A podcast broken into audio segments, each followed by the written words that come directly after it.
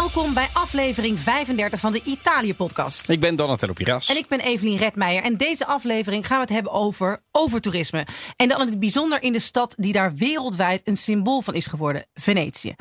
En we hebben daar bijpassende eh, drank bij, begrijp ik goed. Zeker, ja. Ja, want wat heb jij meegenomen? Het is typisch Venetiaans, maar wij drinken vanavond een spritz. Ja, we drinken een spritz. En ehm, dat is een aperitief. Eh, het is eh, wel een van mijn favoriete aperitieven. Dat heb ik volgens mij al vaker gezegd. En spritz is eigenlijk een verzamelnaam.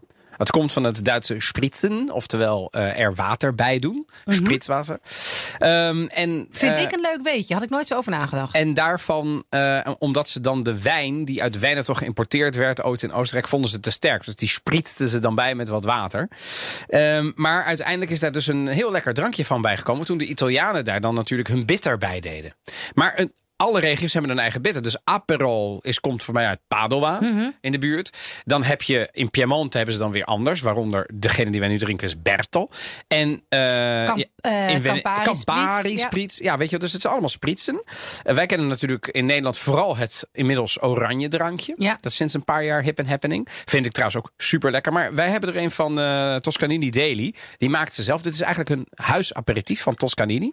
En ik weet niet wat jij ervan vindt. Ik ben hier erg enthousiast over. Het is namelijk net een tegeltje minder zoet dan eh Spritz. Ja, de- wat mij dan weer irriteert, althans, dat is niet waar, erger Meteen moet ik zeggen. wel, je zit wel echt te dicht op je emoties. Als het, eh, Ja, het komt omdat ik dan probeer te achterhalen wat, wat zit erin. Nou, Bertel, dat ken ik. Dat is een aparte eh liqueur, of wat liqueur, hoe noem je dat? Een aparte aperitief. eh, uit Piemonte, er is een hele reeks van. En dit is echt super lekker. Natuurlijk eh, Prosecco. En een geheim ingrediënt. Ja, dan heb je mij, hè? Want, Ja, ik wil dan weten, wat is dat geheime ingrediënt dan? Trek ik slecht? maar denk je niet dat het gewoon ja, eh, water met bubbels is of zoiets? Wat ik trouwens grappig, heb ik laatst een discussie over gehad met iemand die lang in Venetië eh, heeft gewoond. Die zei nee, en dat is inderdaad ook zo. De, het is trouwens bizar. In Venetië betaal je gewoon, en ook in, in de rest van Veneto betaal je meestal gewoon 2, 3 euro voor een spritz. Dat is waar. In is- Nederland, ja. ja, En, maar ook in de rest van Italië is het meer 5, 6 euro. Maar daar is het 2, Behalve in 3 euro. Milaan, want dan moet je een tientje betalen. Tientje betalen. Maar dan eet je de hele avond. Ja, maar daar doen ze het niet met Prosecco, maar met witte wijn. En dat moest ik even hier Klopt, zeggen. klopt. Dat dat eens en voor altijd duidelijk is. Dat is trouwens Geen een Prosecco, maar Brava. met witte wijn. En, maar dat is trouwens ook heel goed dat je dit zegt. Dit, dat was ik vergeten in mijn uitleg over de spritz. Iedere regio heeft dus ook zijn eigen eh, wijn. In, in, in, in, de, in het oosten van de eh Veneto is het inderdaad Prosecco. Mhm. Maar bijvoorbeeld in Piemonte doen ze het gewoon met witte wijn. Ja. En het kan een, een, een, een, een bianchetto. ehm, eh, of een bianchino noemen ze het, geloof ik. Eh, dus het is gewoon een, een, een, een fermo o con bollicine. Maakt eigenlijk niet uit. Ehm, maar wij hebben het dus helemaal geïndoctrineerd gehoord met Prosecco, Aperol en een beetje spuitwater. Maar het kan dus ook anders. Ik vind dit trouwens wel voor herhaling vatbaar. Trouwens, eh Evelien, we zijn wel iets vergeten. Iets fundamenteels. Wat zijn wij vergeten? Chin chin. Chin chin, Dat doen we sowieso. natuurlijk. Uiteraard. Tanti auguri. Alla mijn- tua salute. Voor mijn verjaardag. Tanti auguri Ja, zeker, aan Evelien, dames en heren. Want, beste luisteraars van de Italië-podcast... Evelien, gewoon nog een jonge dertiger. Ja, zeker. In ons midden. Zeker in ons midden. Ja. Ze is nog in ons midden, ondanks de COVID. Ja, inderdaad. Heeft niet Zijn we ondergekregen. Heel erg blij mee. Zeker. Tanti auguri. Dankjewel. Ja, ik heb een eh, super verjaardag gehad. Ik wilde zeggen, Op Koningsdag. wat heb je gedaan? Ik heb eh, taart gegeten. Ik heb taarten gebakken. Er zijn taarten gegeten. Mensen kwamen langs. Eerst, het leek mij als kind altijd vreselijk om op Koningsdag jarig te zijn. Want Snap ik, was bang dat de koning op een gegeven moment Jou overstijgt, ja. Ja, nou, dat is niet gebeurd. Ik kan je nu zeggen, dat is niet gebeurd. En, eh, maar het is wel gewoon een vrije dag. En iedereen heeft wel op een gegeven moment zin om aan te haken. En toen ben ik een oesterwandeling gaan doen. Wat echt een aanrader is hier in Amsterdam. Eh, want nou, het weer is natuurlijk vreselijk. En eh, nou ja, goed. Het is, het is, het is, het is, we gaan niet altijd veel woorden aan vuil maken. We doen hier gewoon even alsof we in Italië zijn eh, binnen deze muren van de podcast ik moet daar heel erg mijn best voor doen, maar ik, ik kijk dan gewoon niet naar buiten. Ja? Ja, en, en toen hebben we, heb ik wat Spritz Aperol gedronken. En toen had ik deze discussie over witte wijn of Prosecco. En daarna heb ik Bouillabaisse, die ik de dag daarvoor al gemaakt had... bij mij thuis gegeten met wat vrienden. Allemaal eh, ex-covid-patiënten. Dus dat vind ik... Heb jij niet een beetje dat je het hebt gehad... en dat je iets relaxter in de wedstrijd zit voor jezelf? Ik heb wel dat ik het heb gehad, ja. Nee, Nee, ik Maar- heb het ook zeker Ja, gehad. Maar, dat jij eh, gewoon ja, niet meer... Ik bedoel, loop jij nog... Ik kijk af en toe naar die... Naar, nou ja, ben jij nog eindeloos met die desinfecterende jelletjes aan de gang? Nee, maar, Nee, hè? Nee, maar ik, ben, Douche ik hou jij me nog? nog steeds... Ik. Nee. Nee. Ik hou me wel nog aan de water. Ik bedoel, ik heb Ja, bijvoorbeeld met mijn, met mijn vader in de auto gezeten. En dan zitten we allebei wel netjes met een mondkapje. Ik heb het gehad en hij is twee keer gevaccineerd.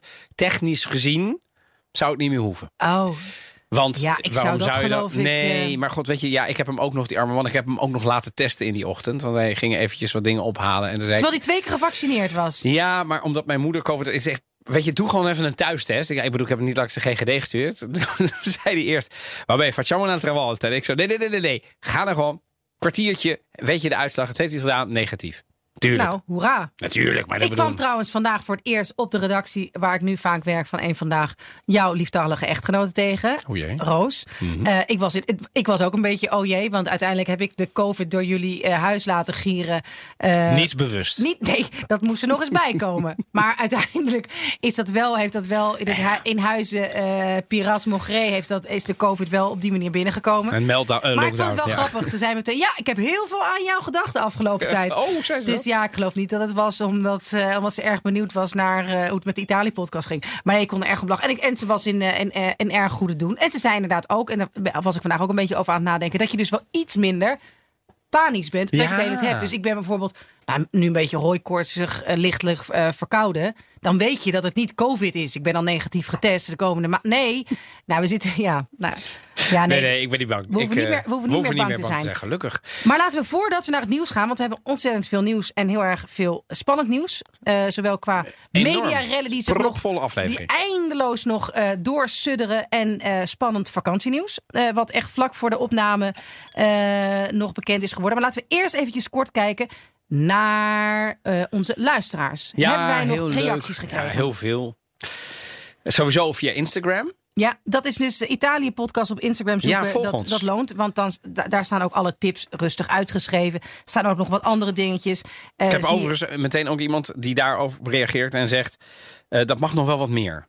Ja, kijk, je doet het ook nooit goed, nou, hè? in de zin, eh, eh, dat spoorde mij dan wel weer aan. Wat dan? Eh, nou, in de zin dat hij zei, nog wel wat meer, nog in, meer in die show notes. Weet je wel, als je iets vertelt Oh, eh, waarvan je zegt, lees dat na. Doe dat dan in die show notes, want dan kunnen wij het nog even zien. Nou, Oké. dacht ik, oké. Ja, oké, maar niet nog meer foto's van ons. Daar heeft niemand om Da- gevraagd. Niet dat ik me herinner de Nee, laatste oké. oké. Nou, Maar er heeft iemand op Twitter gezegd, terecht Mirjam, eh Mirjam Bunnik, een eh trouwe luisteraar en eh, tolk van eh, Italiaanse boeken naar Nederland. Dus daar ben ik al heel erg dankbaar voor.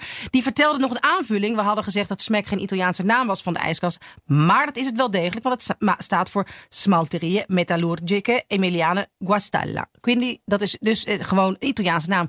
Een Nou, poco met Fabrica Italiana uh, Automobili Torino. nou exact. Van allemaal afkortingen. Allemaal afkortingen, maar Ja. SMAC, ja, nou, Smeg. eh, ja. Maar nu, je gaat het al wat meer Italiaans.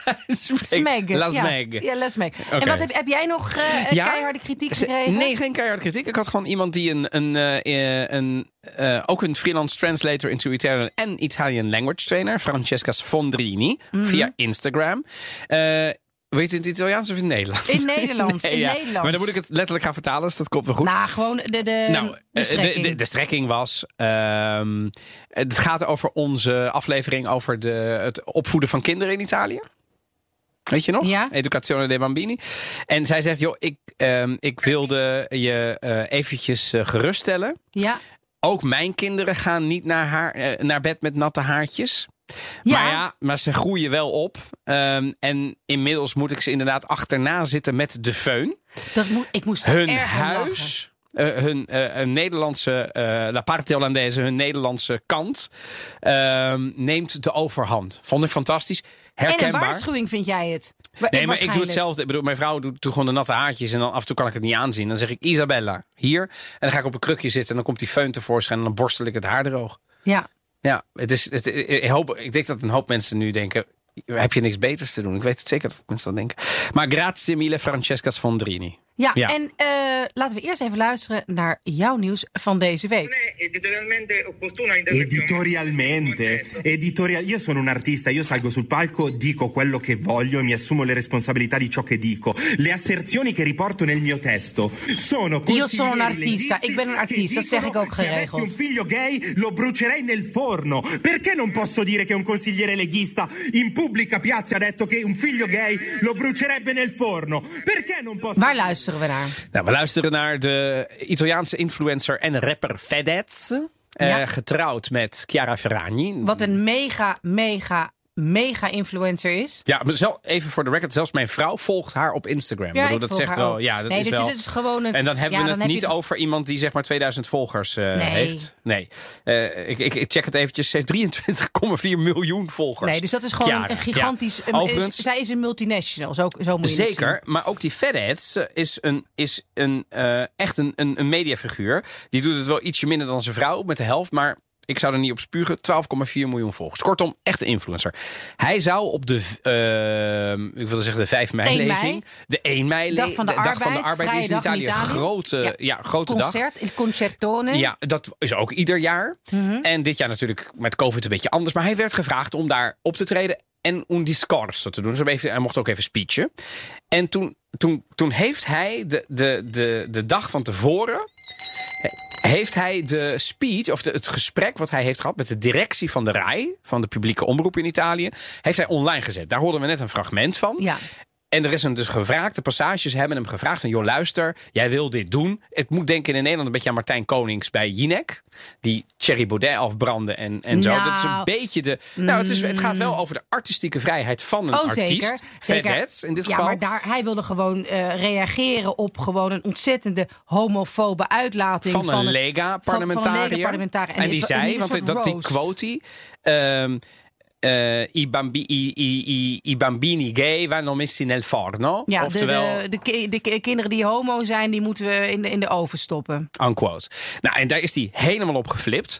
Eh, en die, hij, heeft dus in, hij heeft dus dat gesprek integraal opgenomen en op zijn Instagram uitgezonden. Het is een enorme media geworden. Want wat blijkt uit dat gesprek, dat die rij best wel zei, die, die rijdirectie best wel probeert om hem in te dammen. En zegt, joh, luister, dit is niet het platform. Weet je, dit is niet het moment om te doen. Hij wordt alleen maar bozer, die Feddes. En die zegt, ik ben een artiest en, en jullie houden mij niet tegen, censuur enzovoort. Wat vond jij ervan? Ehm, kijk, het was natuurlijk. eh, Ja, ik wantrouw influencers altijd een beetje. Dus ik denk, hij weet ook wel dat deze. Kijk, het is terecht dat hij daar dingen moet kunnen zeggen. Eh, Anders moet je hem niet uitnodigen. als moet je hem niet uitnodigen. En hij, hij, hij drukt zich wel vaker zo uit, eh, wel kritisch uit over bepaalde uitlatingen. Het kan natuurlijk ook niet dat de Lega dit soort eh, politici nog aan boord heeft. waarin homoseksuelen eh, Mhm. zo worden genoemd. Maar dat hij dat, hij weet ook wel dat hij groot wordt met zo'n filmpje waarin hij even lekker tekeer gaat tegen de top van de rij. En bovendien, en dat zeg ik als mediamaker, er was in geknipt. En dat vind ik altijd een beetje gek. Dus Ja, het was niet ja, helemaal integraal. Dat, dat, dat is ook de reactie van de rij geweest. Hè, Ja. Achteraf, die hebben gezegd, luister, het is niet In helemaal... geknipt betekent dus dat er in gemonteerd is. Dat dus niet het integrale gesprek werd, was op zijn website gezet, op zijn Instagram gezet. Maar dat daar toch dingen uit waren gehaald. En dat hij dat had gedaan. En dat, dat, dat, dat begreep Dus, ik dus gewoon niet is de content... Nou ja, dat snap ik wel. A, vanwege de snelheid. Maar B, de rij zegt terecht... luister, de context is nu niet helder. Nou, en het is dus nu een battibecco geworden... tussen de ene kant Fedez en de andere kant Ivertici Rai... de directie van de RAI in Italië. Dat is nog steeds aan... eh, ongoing. De Ja. Lega heeft overigens ook gereageerd inmiddels op. Hè, want de, de gevraagde passage, de gevraagde conciliaire heeft ook gereageerd. Was het natuurlijk ook oneens en zei: eh, dit, is, dit is absoluut niet wat er is gebeurd. En ik ben. eh, hè, dus ik, eh, nou, er is smaad gepleegd. Dus er is een enorme mediarel in Italië. Maar ik heb het maar eens gevraagd, Evelien. Ja, eh, dacht ik aan mijn eh, 81-jarige vader. Toch niet iemand die Fedez volgt, hè, zou je kunnen zeggen. Maar die zegt, luister, ieder jaar regolarmente... eh, sia per il 25 aprile per il primo maggio c'è la polemica. Er is altijd polemiek in Italië op dit soort grote dagen. Ehm, eh, zowel de politiek, maar ook eh, het journaaien, die met sensationele artikelen komen. Maar ook de RAI, approfittando del caso, getta benzina sul fuoco. Dus die gooien alleen maar, ho- eh, hoe zeg je dat? Benzine, olie op het vuur. olie op het vuur. Ehm, le vittime sono sempre i poveri cantanti. In questo caso Fedez aveva tutta la ragione per reagire come giustamente ha fatto. dat zegt jouw vader. Ja, ja, maar ik en vind- dit ik is toch ook- iemand ook- van de oude terecht. stempel. Zeker. Die helemaal niet zoveel op heeft met allerlei moderne rappers die hun nagels lakken. Mhm. Eh, maar in dit geval zegt hij, ja, hij had wel een punt. En het lastige hiervan vind ik, Evelien, zeg ik ook tegen jou als mediamaker. Ik kan niet achterhalen wie er gelijk heeft. Nee, maar het is natuurlijk wel goed dat dit eens een keer lekker. eh, ju- ju- juist wel lekker lekker duidelijk en wordt uitgevochten in de media. Hè, dat, dat, dat dit soort dingen gewoon niet kunnen. En dat jouw vader daar dan over nadenkt. En denkt van ja, het is wel goed dat hij dat gewoon eens eh, een keer hardop zegt. En het is belachelijk dat de RAI, eh, hè, de publieke omroep in Nederland, is echt onvergelijkbaar met hoe politiek. De Oh, dat is van waar, de ja. RAI. Er worden Maar- de hele tijd mensen worden vervangen als er een nieuwe regering is en zo. Dat maar is kan, ja, maar er zijn in, ook eh, regels. Hè. Je hebt in Italië, we gaan het nu niet allemaal uitleggen, maar in het kort kunnen we zeggen dat de politiek heeft wetten aangenomen om ervoor te zorgen dat er niet te veel politiek bedreven wordt via de publieke omroep, want te veel invloed. Kortom, je mag ook niet alles. Hè. Dus de, op rij tre zijn ze altijd als de dood. Ze zeggen niet te veel, nee, niet doen. Dus zelfs als er cabaretiers opkomen, lopen ze een beetje op hun tenen. Is dat censuur? Beetje wel. Ja, Want je houdt toch cabaretiers bijvoorbeeld tegen om te zeggen: eh, Salvini is een lul. Ja, ja. Eh, en ik vraag me af toch of het in Nederland als, als er een soort... Wat is nou bij een 5 mei concert... Stel je voor dat Nick en Simon even een politiek statement zouden willen maken. Nou, en dan, toch- en dan zeggen Thierry Baudet, eat this. eh, het is een blatante schande wat je hier doet.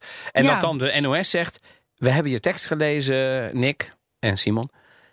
Doe maar niet, want het is niet het momentum en het is niet het podium om het te doen. Wat Oh, zou ja. er dan gebeuren? Nou, ik... eh, Shula Rijksman. Ik geloof zeker dat de NOS dat zou kunnen doen. De NOS evenementen even, even en dat zij dat opnemen en dan morgen op hun Instagram doen. Zou toch precies dezelfde mediarel zijn? Ja, zou precies dezelfde media, dus ik, mediarel zijn. Dus ik denk ook niet dat we nou in Nederland met dit soort ja, evenementen... en dat het toch leuk moet blijven. En dat, dat, dat we, ja, Maar zijn minder politiek misschien. we zijn minder politiek, maar het moet toch niet, het moet toch niet eh, te gekleurd worden hè, op, Nee. op zo'n dag. Dus ik weet niet, eh, als je bijvoorbeeld bij de, bij de koning eh, op het, eh, in zijn tuin... of waar mochten ze optreden tijdens De Koningsdag? koninklijke stallen. Ja, als ze op een gegeven moment... eh, mochten die artiesten in een stal optreden? Ja, dat klinkt heel raar, maar dat is een heel complex. Oké, nou ja, enig. Gaan maar wel een keer locatie uitzending. Precies, we, we zitten daar geloof ik in eind juli, toch? Ja, ja. dat is leuk. Nee, maar goed, maar ik geloof als iemand daar had gezegd... ja, ik wil toch echt wat zeggen over het feit dat... voor mij paar toeslagen, weet ik veel. Ik denk dat dan iemand ook wat gaat zeggen. van, Nee, is toch echt niet het moment. Is echt niet het moment. gewoon dan was maken, toch? Echt, nee, is echt niet het moment. En dan was er, had ook zo'n gesprek kunnen, eh, het is kunnen wel ontstaan. saillant dat je dit dus eigenlijk zeg je, ook in Nederland Zeker, dat denk ik, ja. wij politieke invloed uit. Dat denk ik wel, ja. Dat denk ik wel. We kunnen het alleen niet hard maken. We kunnen het alleen niet hard maken. Maar goed, terug naar Italië. Wij? Eh, Wat mijn is jouw nieuws? Mijn nieuws is namelijk dat Italië op de troepen vooruit gaat lopen. Ik als sta, het gaat ik sta om- even opstaan. Jij staat, jij staat inmiddels op de banken. Ehm, als het gaat om eh, toerisme. Want eh, verwacht wordt de Europese pas half juni. En Italië zegt dat vanaf half mei al er een digital pass komt. Ehm, voor Italië. Dus dat die Oh. gebruikt kan worden. En dat ze dus niet hoeven te wachten op de Digital Green Pass van de EU. Ja, en ik vind het toch wel heel grappig. Want zelfs Reuters die had het erover dat het dus eigenlijk nu wel tijd is om je vakantie te boeken naar Italië. Want nu krijgen we dus de komende weken, dagen, wordt het toch een soort ja, eh, race. Wie de toeristen gaat binnenhalen de komende week. Want Oh, echt, ja. we snakken. Maar daaraan. Draghi ook weer. Ik, bedoel, ik moet zeggen dat ik zijn eerste vele tientallen dagen echt eh, imposant goed vind. En ook nu weer. Dit is op de G20-top voor toerisme gedaan. En daar heeft hij gewoon gezegd... Heeft hij het, het- het- aan iedereen, Italië is heel lang dicht geweest, heeft ons enorm eh, teleurgesteld. We gaan weer open. En niet alleen omdat we dat heel graag willen, maar ook omdat we jullie weer willen uitnodigen, Nee, omdat we het nodig hebben. Hij, hij zegt, boek jullie vakanties. We, zijn, we, zijn, we, hebben- we kunnen niet wachten om jullie weer hier hij is eh, te helemaal, te hij is gewoon, bedoel, duidelijker wordt het niet. Nee. Van een openlijke invitatie van de premier Ja. van Italië. Kom naar Italië deze zomer. Ja. Dus let the games begin. Ja, toch? Ja, bedoel. Ja, ik kan niet eh, wachten. Maar ik heb hem geboekt, weet je, dus ik ben gewoon ja, biased. ja, ja. Nee, ja. tuurlijk. Maar ik... eh, Toscana, Veneto. En het is dus ook, het schijnt dus ook, man. maar dat zijn nog allemaal eh, geruchten. Maar dat, dat staat wel in allerlei teksten. Ook als je COVID gehad hebt, zoals jij en ik. en jij dankzij de Italië-podcast, hoef jij dus niet meer een test te gaan doen. Nee, je, dus gewoon, wordt. het- je krijgt dus dan gewoon met, jouw met jouw positieve uitslag en, en een soort verklaring van je arts, kun jij gewoon daar de grens over. het wordt alleen maar beter. Het wordt alleen maar beter. Ja, dan gaan we het over over toerisme hebben. Dus even niet de financiële kant, de voordelen van toeristen, maar woord. Over, over, over, toerisme. toerisme. Ja, dus niet over toerisme. Nee, over, Over- toerisme. over to- ja. Dus gewoon het teveel aan toeristen. Ja. Plekken waar de verhouding dus zoek is tussen locals en bezoekers. En welke plek in Italië of eigenlijk ter wereld kun je dan beter onder de Wauw. loep nemen dan Venetië? Zou een paar decennia geleden iedere stad ter wereld niets liever willen dan het nieuwe Venetië worden als het gaat om toerisme? Nu is het een absoluut schrikbeeld. En in iedere stad verzekeren bestuurders dat ze niet en vrezen bewoners dat ze wel het nieuwe Venetië zullen worden. In Amsterdam zullen we ook zeggen: ja, nee, ja, je wil niet het nieuwe Venetië worden. Het klinkt even ver Ja. weg. Hè, want, Dat want. COVID, want eh, er wordt niet gereisd, want we hebben een heel vreemd eh, jaar, anderhalf jaar achter de rug. Maar ja, iedereen staat gewoon weer in de startblokken. En het is een gigantische industrie. Dus ik denk ook, en ik hoop ergens ook, dat het gewoon weer snel op gang komt. Maar ja, dan de, de Nou ja, problemen die er toen waren, die zullen er snel genoeg weer komen. Maar wat zoals zijn, in de, Venetië. wat, maar wat zijn dan de. Ik bedoel. ehm, ik weet bijvoorbeeld dat. Ja, straks, straks, straks komen er natuurlijk wel weer. Hè. Er komen heel veel Italianen, komen heel veel Duitsers, komen heel veel Zwitsers, komen heel veel Oostenrijkers. Wat minder Nederlanders. Maar ehm, straks komt de architectuurbiennale weer. Die Ja. staat gepland voor eind mei. Dat, Ja. is, dat is. Dat is natuurlijk best wel een happening. Ja, Dus ja, hebben we nou de illusie dan dat Venetië. Want ze willen al heel lang iets doen. en dat hoor je. Maar dat hoor je dus ook. Normaal is dat iets van wethouders. Die Ja. dan bepalen van. Nee, dat moeten we niet meer willen. Dat klopt op Venetië. Inmiddels zijn het ook gewoon café-eigenaren. die ondanks de crisis roepen. Sì, ma questi turisti non li vogliamo più. Eh, Omdat ze niks brengen. En dan denk ik, maar hoe, hoe, dat kun, je- hoe kun je dat nou tegenhouden? Dat vind ik dat is ingewikkeld. Ben jij er wel eens geweest? Venetië? Ja. meerdere malen. Ik, heb, eh, ik ben begonnen toen ik animatore toeristico werd. Heb ik met name de Venetiaanse kust gedaan. Dus Jesolo is mijn eerste plek. En, ja, en dan ga je wel... En, eh, laat ik het zo zeggen. De, ehm, de, de belangrijkste excursie was dan Ausflug nach Venedig. Auf Deutsch. En ik ben dus ook wel eens meegegaan met eh, gasten en, naar Venetië. Zeker. En dat was dus in de jaren 96 tot en met 2002.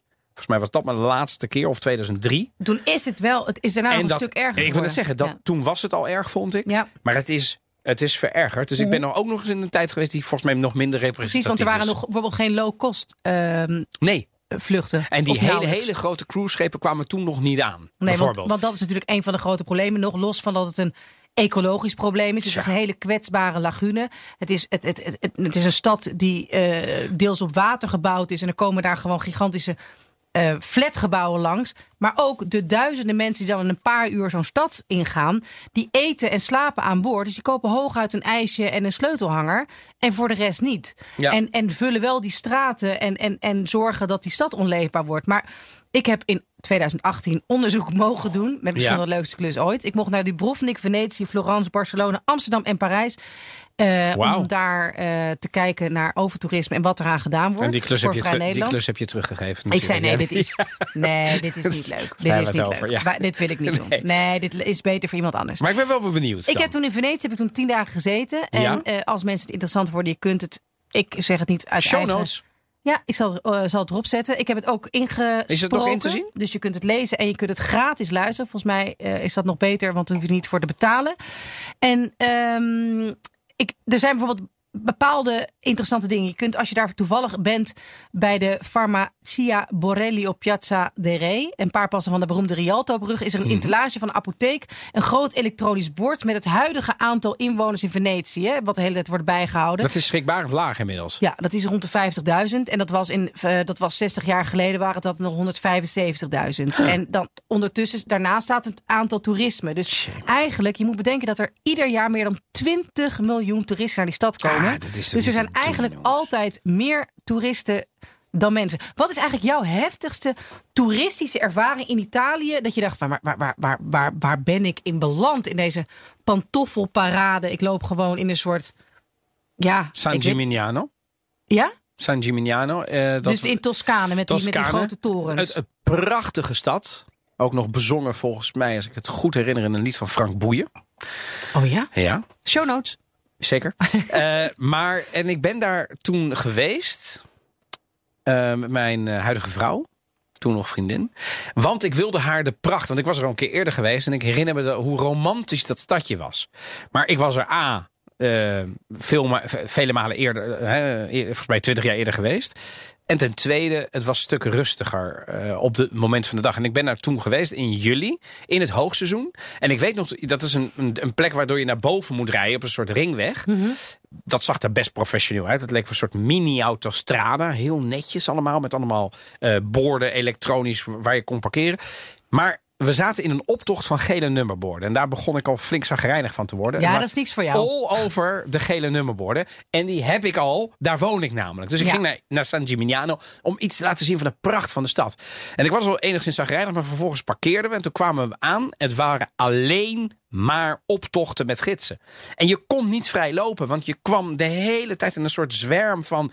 Dus uiteindelijk hebben we het tot het eerste plein gered. Daar hebben we een foto geschoten. We hebben een ijsje gehaald in een... Toen zijn we een zijstraat ingedoken, hebben we een ijsje gehaald gekeken over. En we zijn weer weggegaan. Dus we zijn er denk ik nog geen uur geweest. Terwijl het een prachtig. Maar dit, ik vond het een horror. Ja. En je zag alleen maar mensen door dat ding heen trekken naar die zeven. Die, diezelfde fucking foto's maken. En daarna weer weg. En dan kun je zeggen: Ik ben in San Gimignano geweest. Ja. Met honderdduizend andere mensen. En ik heb verder geen sfeer geproefd. Nou ja, en, en dat is dus ook wat ze proberen te veranderen. Het zogeheten duurzame toerisme. Maar dat is ook weer niet zo heel erg gemakkelijk. Want uiteindelijk hotelovernachtingen en ook de bier uit minimarkets. Daar wordt gewoon geld aan verdiend. Zie je ook hier in eh, Amsterdam waar we nu opnemen. Ja. En eh, UNESCO heeft zelfs aan Venetië en aan Dubrovnik nu een eh, waarschuwing gegeven Oh, eh, dat er dus een. Nou ja, normaal is dat gewoon over. Dat kan zijn dat, dat je dus riskeert dat je van die, eh, van die lijst af wordt gegooid. van het werelderfgoed? Van de werelderfgoed. Ja, dus die, die komt nu. Dus Venetië staat nu, dreigt nu te komen als wer- werelderfgoed in gevaar. En dat zijn nu 50 pluk- plekken ter wereld die onder druk staan van het massatoerisme. En daar ehm, is Venetië er één van. En sinds de jaren 50 heeft eigenlijk Venetië. Het is namelijk een, fout die al veel langer in het verleden ligt Ja. ehm, veel verder in het verleden ligt, haar hele economie op toeristen gefundeerd. En eh, ja, uiteindelijk hebben die bewoners ook voor gigantisch veel geld hun appartementen verkocht. Of ja, dus, dus die Maar moeten dat eigenlijk ook is die hele stad op een soort Amsterdamse En zij hebben deze bestuurders gekozen. uitgekocht. Oh, oh, Ja. COVID-hoesje. Ja. Ja. En, En- en, en uitgekocht hè, zijn die mensen. Zeker. Nou ja, aan de ene kant uitgekocht, zeker. Aan de andere kant hebben ze dus ook dat grote bedrag eh, dat geaccepteerd. Ja, maar- maar, maar- ik vind altijd ja. dat uitkopen, dat klinkt zo alsof iemand Nou ja, daar... ik betaal eh, met- jouw geld. En, en bedoel, je krijgt, ik noem maar wat, drie ton voor je huis. Ja, maar je wordt niet gedwongen. Natuurlijk Nee, niet. oké, maar ik dat uitkopen, dat Nou, klinkt ja. altijd zo van... Ja, ik had geen keuze. Ja, je hebt wel een keuze. Je kunt er ook gewoon gezellig blijven Nou, wonen. om- waarom, waarom ik daartegen ben, is omdat Nee, het een strategie is. overlaten. Dat- dat- het is een strategie. En dus, er zullen altijd investeerders zijn die zeggen, wacht eens even. Venetië gaat dus binnenkort een enorme... We gaan nog meer vastgoed kopen daar. Dus als er eerst, het schrik ik echt van, als er eerst 174.000 mensen wonen... en nu nog maar 53.000, Mhm. is de... De, de, worden de oorspronkelijke bewoners in de minderheid van, de, van het massatoerisme. En is het gewoon een openlucht Disneypark geworden. Ja. Op een paar uitzonderingen na. Het Peggy Guggenheim Museum ben ik geweest. Fantastisch. Die architectuur biennale. Hè, dus om de twee jaar. Er zijn echt pareltjes. Nog los van het feit dat Venetië hè? heel mooi Venetië is. is prachtig. Pra- Als je gewoon even wat andere straatjes inloopt... eh, of naar Giudecca gaat, neem je het bootje naar de overkant. Dat is ontzettend rustig. Ah. Ja. Venetië is... Het enige is... Maar goed, dat is een ander verhaal. Ik heb nog nooit goed gegeten in Venetië. Dus als mensen luisteren en dat wel hebben gedaan... hoor ik heel graag tips. Maar het is een prachtige, prachtige stad. Ja. Ook als je uit dat station komt. Het is... Het is, ja, het is, ik vind het de mooiste stad ter wereld. Ik vind het echt de mooiste. echt qua, mooi. qua, qua, qua schoonheid is er gewoon niets wat aan Maar het is Venetië ook een kan tippen. getormenteerde stad. Hè? Want ook Ja. dat water ieder jaar. Het ligt natuurlijk niet heel prettig. Even los van cruiseschepen en zo. Ieder jaar overstroomt het. Inmiddels hebben ze na twintig jaar werken volgens mij de Mosè geopend. Hè? Ja. De Mozes bouwwerken. Een beetje een soort deltawerken. Die werkt. Die werkt. Die heeft nu net eh, Eindelijk. eh, hoogwater eh, tegengehouden. opgevangen. Maar ja, in het jaar van COVID. Hè, dus het was. Ik heb overigens ook nog een, een, leuke repo gezien van WNL. De verslaggever Jill Blijksloot heeft daar een. een is daar naartoe gegaan onlangs, volgens mij drie weken geleden. En heeft daar een mooie repo gemaakt. En nog met een paar ondernemers gesproken Mhm. daar. Op een totaal ver- in een totaal verlaten stad. Dus dan in een gondel. De enige. De, op het San Marcoplein natuurlijke. Het icoon van. Ik weet nog dat ik daar was. Leeg, maar Ja. leeg, leeg. Ik bedoel, er liep bijna een, een, één local zag ik lopen. Het is En onwerkelijk. dat, was, en dat was kort geleden. Want, Het is drie weken geleden. Ja, want een jaar geleden was het overal leeg, want mochten Italianen niet naar buiten. Maar inmiddels, ja, eh, eh, Venetië, eh, ja, daar, daar, daar liepen zo weinig locals vergeleken met toerisme, toeristen rond. Dat je dat nu wel, natuurlijk wel gaat zien. Maar ik weet ook nog wel in die eerste weken van COVID dat je die bizarre plaatjes had. Dat er de zwanen weer in die, in, in die, eh, in die grafjes zwommen. Ja. Eh, ja. En dat, dat was ook wel heel mooi. En dat, en dat water dat weer schoner werd. En ergens. dolfijnen inderdaad. inderdaad. Dus, En dus het water was weer schoon. Het was weer, het was weer een beetje turquoise. Het was weer- worden, ja. hè? Terwijl dat natuurlijk, ja. Maar het is, kijk, ook alleen al zo'n. Het, wat toerisme doet, is dat het de ziel uit een stad, massatoerisme, haalt de ziel uit de stad. ja. Die, daar komen estrani de stad in. Dus, dus buitenstaanders. Niet, daarmee bedoel ik geen buitenlanders. Zullen het ook wel zijn, maar daar bedoel ik er niet mee. Dus mensen die niets met de stad hebben, maar daar gewoon puur alleen voor werkdoeleinden komen. Bijvoorbeeld die gondolieri. Tuurlijk zitten de vergunningen nog heel veel bij de Venetiani. Maar er zit ook heel veel gehandel. En er zit het, uiteindelijk is. Je kunt er niet aankomen natuurlijk aan zo'n vergunning. Want dat wordt heel erg. Het wordt voor, volgens mij voor exorbitante bedragen pas zo'n vergunning. Waarom? Omdat Mhm. je zeker weet dat du moment dat jij zo'n gondel hebt, dat iedere dag daar honderden zo gek zijn om natuurlijk die foto op dat ding te willen. Ja. En ik ben er niet tegen, want ik zou het misschien zelf ook doen. Maar het simpele feit dat je het aan de markt hebt overgelaten en dat het nergens meer gereguleerd is, zorgt ervoor dat het geld en de handel wint en niet meer de schoonheid en de stad. Nou, en dat is ook hetzelfde hoe je zo'n stad onleefbaar maakt. Kijk, als op een gegeven moment alle schoenmakers, slagers, groenteboeren verdwijnen en er misschien nog één supermarkt is voor, Voor de eh, locals. 20 straten, ja, dan, dan wordt het wel op een gegeven moment heel ingewikkeld om daar eh, te wonen. En, en, als er geen werk meer is, wa- waarom? Exact, Of je dan- werkt in het toerisme, denk ik nu, in, Ja. in, in- of in de restauratie, maar dat is ook het toerisme. Ja. Wat kun je nog meer doen? Ja. Bij de lokale bank werken? Nou ja, wel, dat wordt heel ingewikkeld. Dus dan wordt het wel echt een opgave om in die stad te wonen. He, dan, dan beginnen die nadelen zich wel op elkaar te stapelen. En ik hoop wel dat er. eh, Oh, ik zit nu naar buiten te kijken. Het regent. Het is echt, echt. Nou goed. Dat, eh, maar laten we vooral bij Italië eh, blijven. En met, Hm. met de- deze Berto Spritz. Maar. Ja, ze- het is ook. Ik heb de afgelopen jaren ook wel gevolgd wat ze dan hebben geprobeerd. Het schijnt nu eindelijk een cruiseschipverbod te zijn, Ja. waar die Venetianen ook tegen geprotesteerd hebben. En niet, terecht. alle, niet allemaal, maar de alle, allergrootste De mogen alle- niet meer maar het ziet er, e- Ik heb dat één keer gezien. Je weet niet wat je ziet. Dat is dus echt de hoogste huizen. Zo hoog zijn ze niet. Maar de hui, het gaat gewoon, denk ik, acht keer zo hoog als de daken in Venetië. Het is echt. Ik heb in Rotterdam gewoond en daar komen ze ook aan. Sinds een paar jaar. Ja, En, het en, en die komen dus boven de Erasmusbrug uit. Dus Nou ja. je komt aan en je denkt, wat is dat Ja, maar nou? dan kom je. En, en, dan, dan- met zo'n schattig Venetietje. En, en vervolgens komen er honderden mensen als een soort chicale die stad in om toeristische meuk te scoren, Ja. foto's te maken op die Rialtobrug en daarna weer naar binnen te gaan, omdat die, die boot dan weer moet afmeren. Dus het, het, ik, ik, ik snap heel erg dat, je, dat, dat de ziel er dus op zo'n moment uitgaat. Ja, maar, maar kun dit je daar is- iets tegen doen Nou dan? ja, dat hebben ze dus.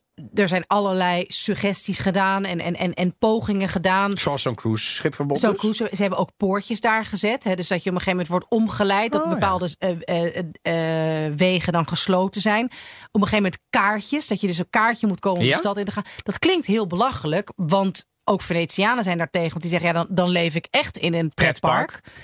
Maar ja, ehm, het is ook wel weer als jij daar alleen maar komt om een beetje te consumeren en de straat en, de- en die hele smalle straatjes te vullen. Misschien is het dan ook niet zo gek dat, dat je daar iets voor betaalt. Het is gewoon heel ingewikkeld, want uiteindelijk is het gewoon een open stad en je wilt een open stad houden. Dus die is van iedereen. Maar ik denk dat je gewoon vooral moet stoppen om vergunning te geven aan winkels. En Je moet aan het Airbnb. reguleren. Je moet het reguleren. Je moet niet alles aan de markt overlaten, want dat zie je ook in Amsterdam. Waarom zijn er hier allerlei Nutella-winkels? Wat heeft Amsterdam met Nutella? Helemaal weinig, niks. weinig, heel weinig. Waarom en zijn het dan eh, oorspronkelijke Amsterdammers die die dingen openen? Ook niet. Die zijn namelijk al lang die stad ontvlucht om moverende redenen. Ja. Dus ik, het, is, het, heeft, het heeft gewoon. Ik bedoel, ik ben, ik, eh, een goed voorbeeld. Het is vandaag 4 mei waarin we opnemen. Morgen 5 mei. Ik was vorig jaar op de Dam om voor RTL Nieuws een, eh, een, een, een commentaar te leveren op de toespraak van de koning. En toen dacht ik daarna, ik ga nog een broodje halen. Het was uitgestorven daar. En, en ik kwam daar aan en ik bestelde een broodje in het Nederlands. En toen realiseerde ik mij dat, dat ze normaal vast Engels sprak. Dus ik zei, sprak je eigenlijk vroeger? Toen zei ze, nee joh, het is van negen- 99% zijn het eigenlijk alleen maar buitenlanders. Dus, dus ik ben al lang blij dat ik een, een paar maanden inmiddels, zei ze, ehm, of maanden, een paar weken, eh, eh, Nederlands mag praten. Dat deed mij weer realiseren dat ook Amsterdam best wel Zeker. trekjes van Venetië heeft. Oh, zeker. Daar is het ook helemaal losgeslagen als je kijkt wat er met allerlei tour operators is gebeurd. Wat er met allerlei wafelwinkels. Wafels was opeens iets Amsterdams. Dat is in een paar jaar tijd, eigenlijk de jaren dat ik me in, in Rome heb gewoond, tussen 2014, 15 en toen ik terugkwam, is het opeens heel hard gegaan. Bizar, hè? Wat daar eh, tegelijkertijd met Airbnb, en dat is ook, eh, ook in Ook Venetië. in Venetië, toch? Venetië gebeurt. En uiteindelijk denk ik dat je, dat je denkt van dat dat, dat soort, eh, hoe noem je dat soort ontwrichtende start-ups, dat, dat, dat disruptive. Disruptive. eh, ja, en, en dat je op een gegeven moment moet denken, natuurlijk, dat het beleid eh, loopt er achteraan. Begrijp Ja. je? Dus je zal altijd. ehm, Achter de feiten aanlopen een beetje. feiten aanlopen Ja. een beetje. Maar dat betekent niet dat je moet zeggen. Ja, nee, dat is nu te laat. Dus dan moet je er beleid op gaan maken. Moet je gaan controleren. Zeg van nou, vanaf nu eh, heel fijn dat iedereen er heel veel geld mee verdient. Maar je mag nu nog maar eh 20 dagen per jaar. En je mag niet meer een huis hebben wat, wat fulltime op Maar Airbnb je zou bijvo- staat. Ik denk dat er best wel wat maatregelen te nemen zijn in Venetië. Ophouden met heel veel souvenirwinkels. Ophouden met vergunningen geven aan mensen die niet per definitie iets de stad brengen. Hè? En het, het, het feit dat jij iets komt halen uit die Ja, stad. Is niet per definitie een brevet, vind ik, om, om je een toegangskaartje ervoor te geven. Dus ik vind dat je ook niet als toerist, maar gewoon als ondernemer. Wat breng je de stad meer dat, dan dat je alleen maar geld komt verdienen? En hetzelfde voor de toeristen. Aan de andere kant, dat is wel lastig. Want waarom mag iemand die het elitaire Guggenheim bezoekt, zeg ik maar even, wel naar binnen? Want die hebben ze natuurlijk wel, omdat ze weten dat die waarschijnlijk ook een dure hotelovernachting boekt, allerlei diners doet en eh, kunstwerken koopt, ik noem maar wat. Dus de Van Gogh toerist in Amsterdam, zeg ik maar even, die hebben ze wel. Maar die, die jongere die één dagje in eh, Venetië wil zijn, even een lunch wil scoren en een selfie wil maken op de Rialtobrug met zijn vriendin, Waarom mag die dat niet. Ja, dus je, je bent, het, het lijkt me heel ingewikkeld. Want je, gaat, je zou de reis op die manier want weer elitair maken. Hè? Begrijp je? Want het probleem Dat was bedoel ik niet precies. toen de vluchten nog eh, Ecco. 900 gulden eh, kosten.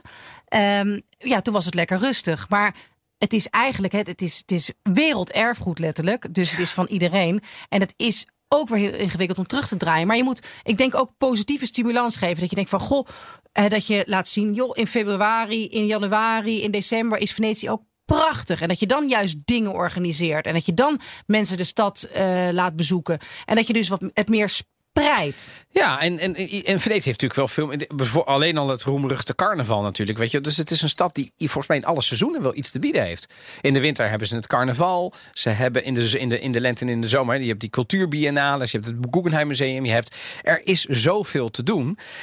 En echt slecht weer, als in een mistig Venetië, is prachtig. Echt. Maar het is wel ook een van de plekken. Klinkt als een boek. Ja, nee, maar zeker. Maar het is, het is echt ook een van de plekken die het met slecht weer, dus aanhalingstekens. Kijk, we zijn in Noord-Italië, dus je bent echt niet gegarandeerd van, van strakblauwe eh, luchten. En bovendien, ik ben er een keer met hitte in die stad geweest. Ik kan niet aanraden. Dus volgens mij is het meer Nee, een soort ja. Winter, herfst, eh voorjaarbestemming. Voorjaar lijkt me fantastisch. Maar ook, ook winter, het, het is echt prachtig. Maar het is wel, ik denk dat deze zomer wat dat betreft... voor de Italië-liefhebbers en kenners... en, en ja, bezoek, die, bezoek dat soort plekken juist. Venetië en de Amalfi-kust bijvoorbeeld. Want er zijn nog heel veel toeristen... Denk ik vanuit buiten Europa die nog niet kunnen komen, niet durven komen, niet, mogen, wat dan ook. Dus we zitten met, eh, ja, de Amerikanen zijn er. Komende jaar is misschien wel, een maar, maar. Azië is nog best wel eh, ingewikkeld. Zeker. Dus misschien dat, is, is dit onze kans om toch nog een weekendje, of misschien juist niet een weekend, maar gewoon een paar dagen Venetië te boeken. Het is alleen wel, het, het is ook wel schreeuwend duur. Hè? De, de hotels die er zijn, dat is natuurlijk een hele eh, onvergelijkbaar met Amsterdam. Amsterdam is groter in oppervlakte dan Venetië. Venetië is eigenlijk een postzegel. Ja, Dus je hebt ook niet heel veel ruimte om daar allerlei nieuwe. En Nieuwe de hotels te- die er zijn, die zijn niet heel goedkoop. nee, het is. eh, nee, Zo ook een beetje elitair. Dat is wat ik ermee zeg. Als je toch een rustige weekendje weg wil. Het Student Hotel is daar nog niet geopend, geloof ik. Hè? Nee, geloof niet. Maar je kunt naar Mestre, wat er vlakbij ligt. Nee, maar en dan... Mestre en Scène. Sorry, maar Mestre, ja. ik Maar ken goed. geen lelijkere stad. Nee. Sorry als ik nu iemand beledig die... Geen lelijkere stad in Italië dan Mestre. Een, dat is een veredeld busstation. Het Ja. ruikt er naar kattenpies en naar uitlaatgassen. Kattenpies. Elise Ward and husband. Ravenous. Do you mean ravishing? I do. All right, grab him. Hello? I need help. There are two men trying to break down the door. What kind of problem do you have with the door, sir? No, no, no. There are two men with guns trying to break in. Mijn cultuurtip. Ik heb nog geen woord Italiaans gehoord. Maar het is toch een hele bijpassende tip. Ik ben benieuwd waar je nu mee gaat komen. The Tourist. Ah, En hij is opgenomen in Venetië. fantastisch. Ja, toch? Nou, het is een, film uit 2010 met daarin Oh. Johnny Depp en Angelina Jolie. Wauw. De regie van Florian Henkel van Donnersmark. En die heeft toen wereldfaam eh, eh, verkregen door zijn meesterwerk Das Leben der Anderen. Eh, over Oh, ja. de Stasi-afluisteraar. Prachtige film. Jongen, jongen. Nou, dan willen mensen wel met je samenwerking. Dus eh, ook Johnny Depp en Angelina, Jo- Angelina Jolie. Het is niet zo'n meesterwerk, zeg ik er meteen bij, als Het Leven der Anderen. Het is een prima film. Ik heb hem gewoon uiteindelijk gekeken door de prachtige plaatjes. Het is, het is een actiefilm. Eh, Johnny Depp en Angelo, Gina Jolie zijn um, eh, fijn om naar te kijken. Maar vooral die stad wordt prachtig in beeld gebracht. Ik heb me daar een avond goed mee eh, vermaakt. Heb jij hem gezien? Nee, de Is, is, is, is, is het een film waarvan je denkt van nou... Ja, o- o- omdat, eh, nou ja... eh, Vind je dat het in de Italië-podcast mag? Want of worden op mijn vingers natuurlijk. getikt? Ja? Natu- ja, hallo. Ja, het toch? speelt in Venetië. Ja, we hebben het over precies. Venetië. En we hebben het over toerisme. Ja. En dit is The Tourist, gespeeld in Venetië. Met een sterrencast. Angelina. Jolie, Johnny Depp. En hij staat Is- op Netflix. Maar is het verhaal een beetje te doen? Ehm, ja, daar begint het dus al. Ja, Nee, nee, maar je- daar kunnen we toch eerlijk over zijn? Nou, Ik ga gewoon vragen mee. hoeveel sterren. Eh, eh, Tweeënhalf. Je bent zo zuinig. Ja, ik ben heel Maar zuinig ik weet niet of ik in mijn zuinig met mijn Drie tijd... sterren. Oké, Drie dan zou ik hem voor aanzetten. Drie sterren. Drie sterren kan ik me gewoon- geen bui ik- aanvallen. Nee, want het is gewoon best wel een fijne actiefilm. Angelina Jolie is op de vlucht. Ook niet helemaal duidelijk waar dan voor. En daar zijn ze naar, Nee, ja, goed, daar, daar zijn ze naar op zoek. En zij papt het dan aan met Johnny Depp. die, wauw. eh, die niet weet eh, waarom. Dat is gewoon een soort eh eh, vrolijk sterveling. Maar ehm, ja, het is toch wel en heel leuk om die twee te zien spelen. En Venetië op een prachtige manier. En ik had het wel alweer even een tijdje niet gezien. En ik wilde gewoon heel graag een film hebben die in Venetië was gedraaid. Maar eigenlijk wil jij ook gewoon, als ik het een beetje samen mag vatten... je wil gewoon eigenlijk best wel snel naar Venetië. Eigenlijk best wel snel Venetië. Ik weet nog wel, ik ben een goede vriend van mij. Hadden we het idee opgevat toen COVID nog een beetje was van... Nou ja, wel een beetje gek. Ja, we zitten nu vast. Ja, het is nu april. En toen hadden we een idee, ja, we gaan rijden. En we gaan, gaan. we gaan naar Venetië en zo. Maar ja, en toen werd wel snel duidelijk dat het echt helemaal niet zo gezellig was. En dat iedereen eh, met certificaat alleen de deur uit mocht. Maar... eh, ja, ik ben wel heel benieuwd eh, om te zien hoe, dat, ik hoe het er nu bij ligt. Deze film, het toerisme, dat ook wel op een kenterpunt staat en inderdaad. En vervolgens Draghi, dat was jouw nieuws. Volgens mij, is de hidden boodschap is... deze zomer zou je misschien wel eens naar Venetië Ja, ik denk het wel. En als het niet eh, voor eh, privé is, dan eh, wellicht voor werk. En dan zijn we alweer aan het einde van aflevering 35. Eh, wat gaan we volgende keer doen, Donatello? Volgende keer gaan we het hebben over de Italiaanse taal. Waar is de taal nu echt geboren? Bestaat het algemeen beschaafd Italiaans? Waar spreken ze dat dan? En persoonlijke tips van Evelien en van mij om Italiaans te leren. Welke boeken, films, series helpen erbij? Ik zeg daarbij op vele verzoek. Wil je nog meer afleveringen van de Italië podcast luisteren? Je, vond, je vindt ons in de BNR-app of je favoriete podcastplayer. Bedankt voor het luisteren en tot de volgende. Ciao, ciao. Ciao!